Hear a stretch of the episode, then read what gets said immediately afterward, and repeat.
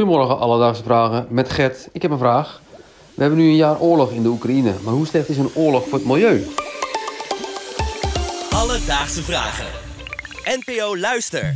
Gert, dankjewel voor het insturen van je vraag.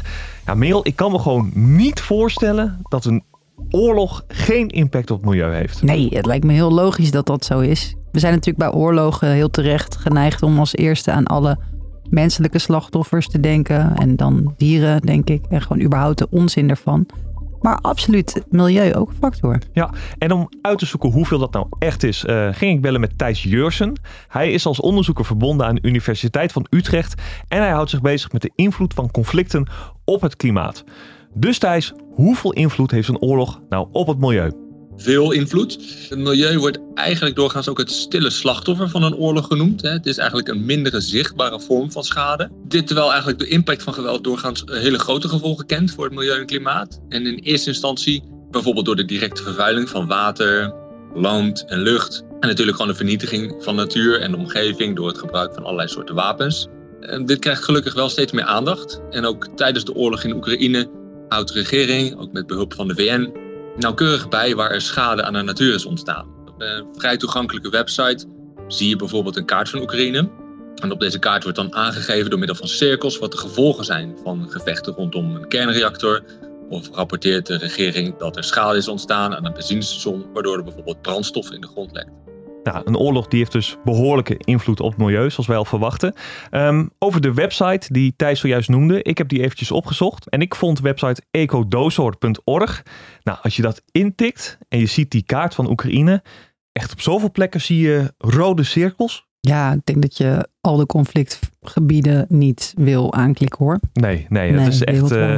Überhaupt natuurlijk die hele industrie die achter uh, oorlog zit. Daar zullen ook wel uh, dingen niet altijd milieutechnisch lekker gaan. Nou, het is uh, grappig dat je dat noemt, Merel. Want naast dat er dus heel veel schade ontstaat door vernietiging, is er nog een factor die we mee moeten nemen als we het hebben over de invloed van oorlog op het milieu. Als je echt gaat over alleen het gebruik van geweld, dan, uh, dan mis je eigenlijk ook het grotere impact van, van hoe conflict uh, milieuschade veroorzaakt. En dan moet je eigenlijk denken aan de vooropbouw richting een oorlog. Dus het, het ontwikkelen van militaire capaciteit, het hebben van een militaire macht kost, kost ontzettend veel broeikasgassen en, en uh, uitstoot, wat het klimaat natuurlijk niet erg uh, uh, ten goede komt. Dus het, totaal is het hebben van, van, van militaire macht over de hele wereld is dat 5,5% van alle uitstoot van alle broeikasgassen bij elkaar. En, en, en ter vergelijking, de luchtvaartindustrie, ook terecht vaak een onderdeel van kritiek, is 2%.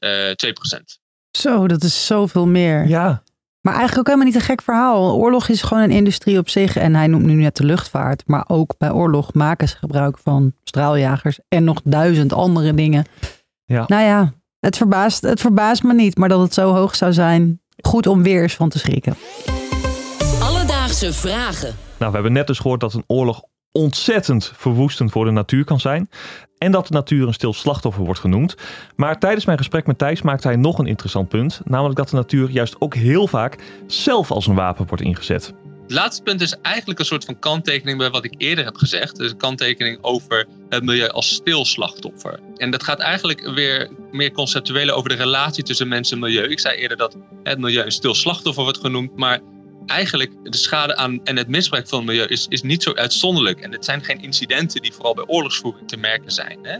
Dus het is in de Engelse term de collateral damage. Dus het milieu ondervindt maar de schade die door mensen ja, teweeggebracht worden.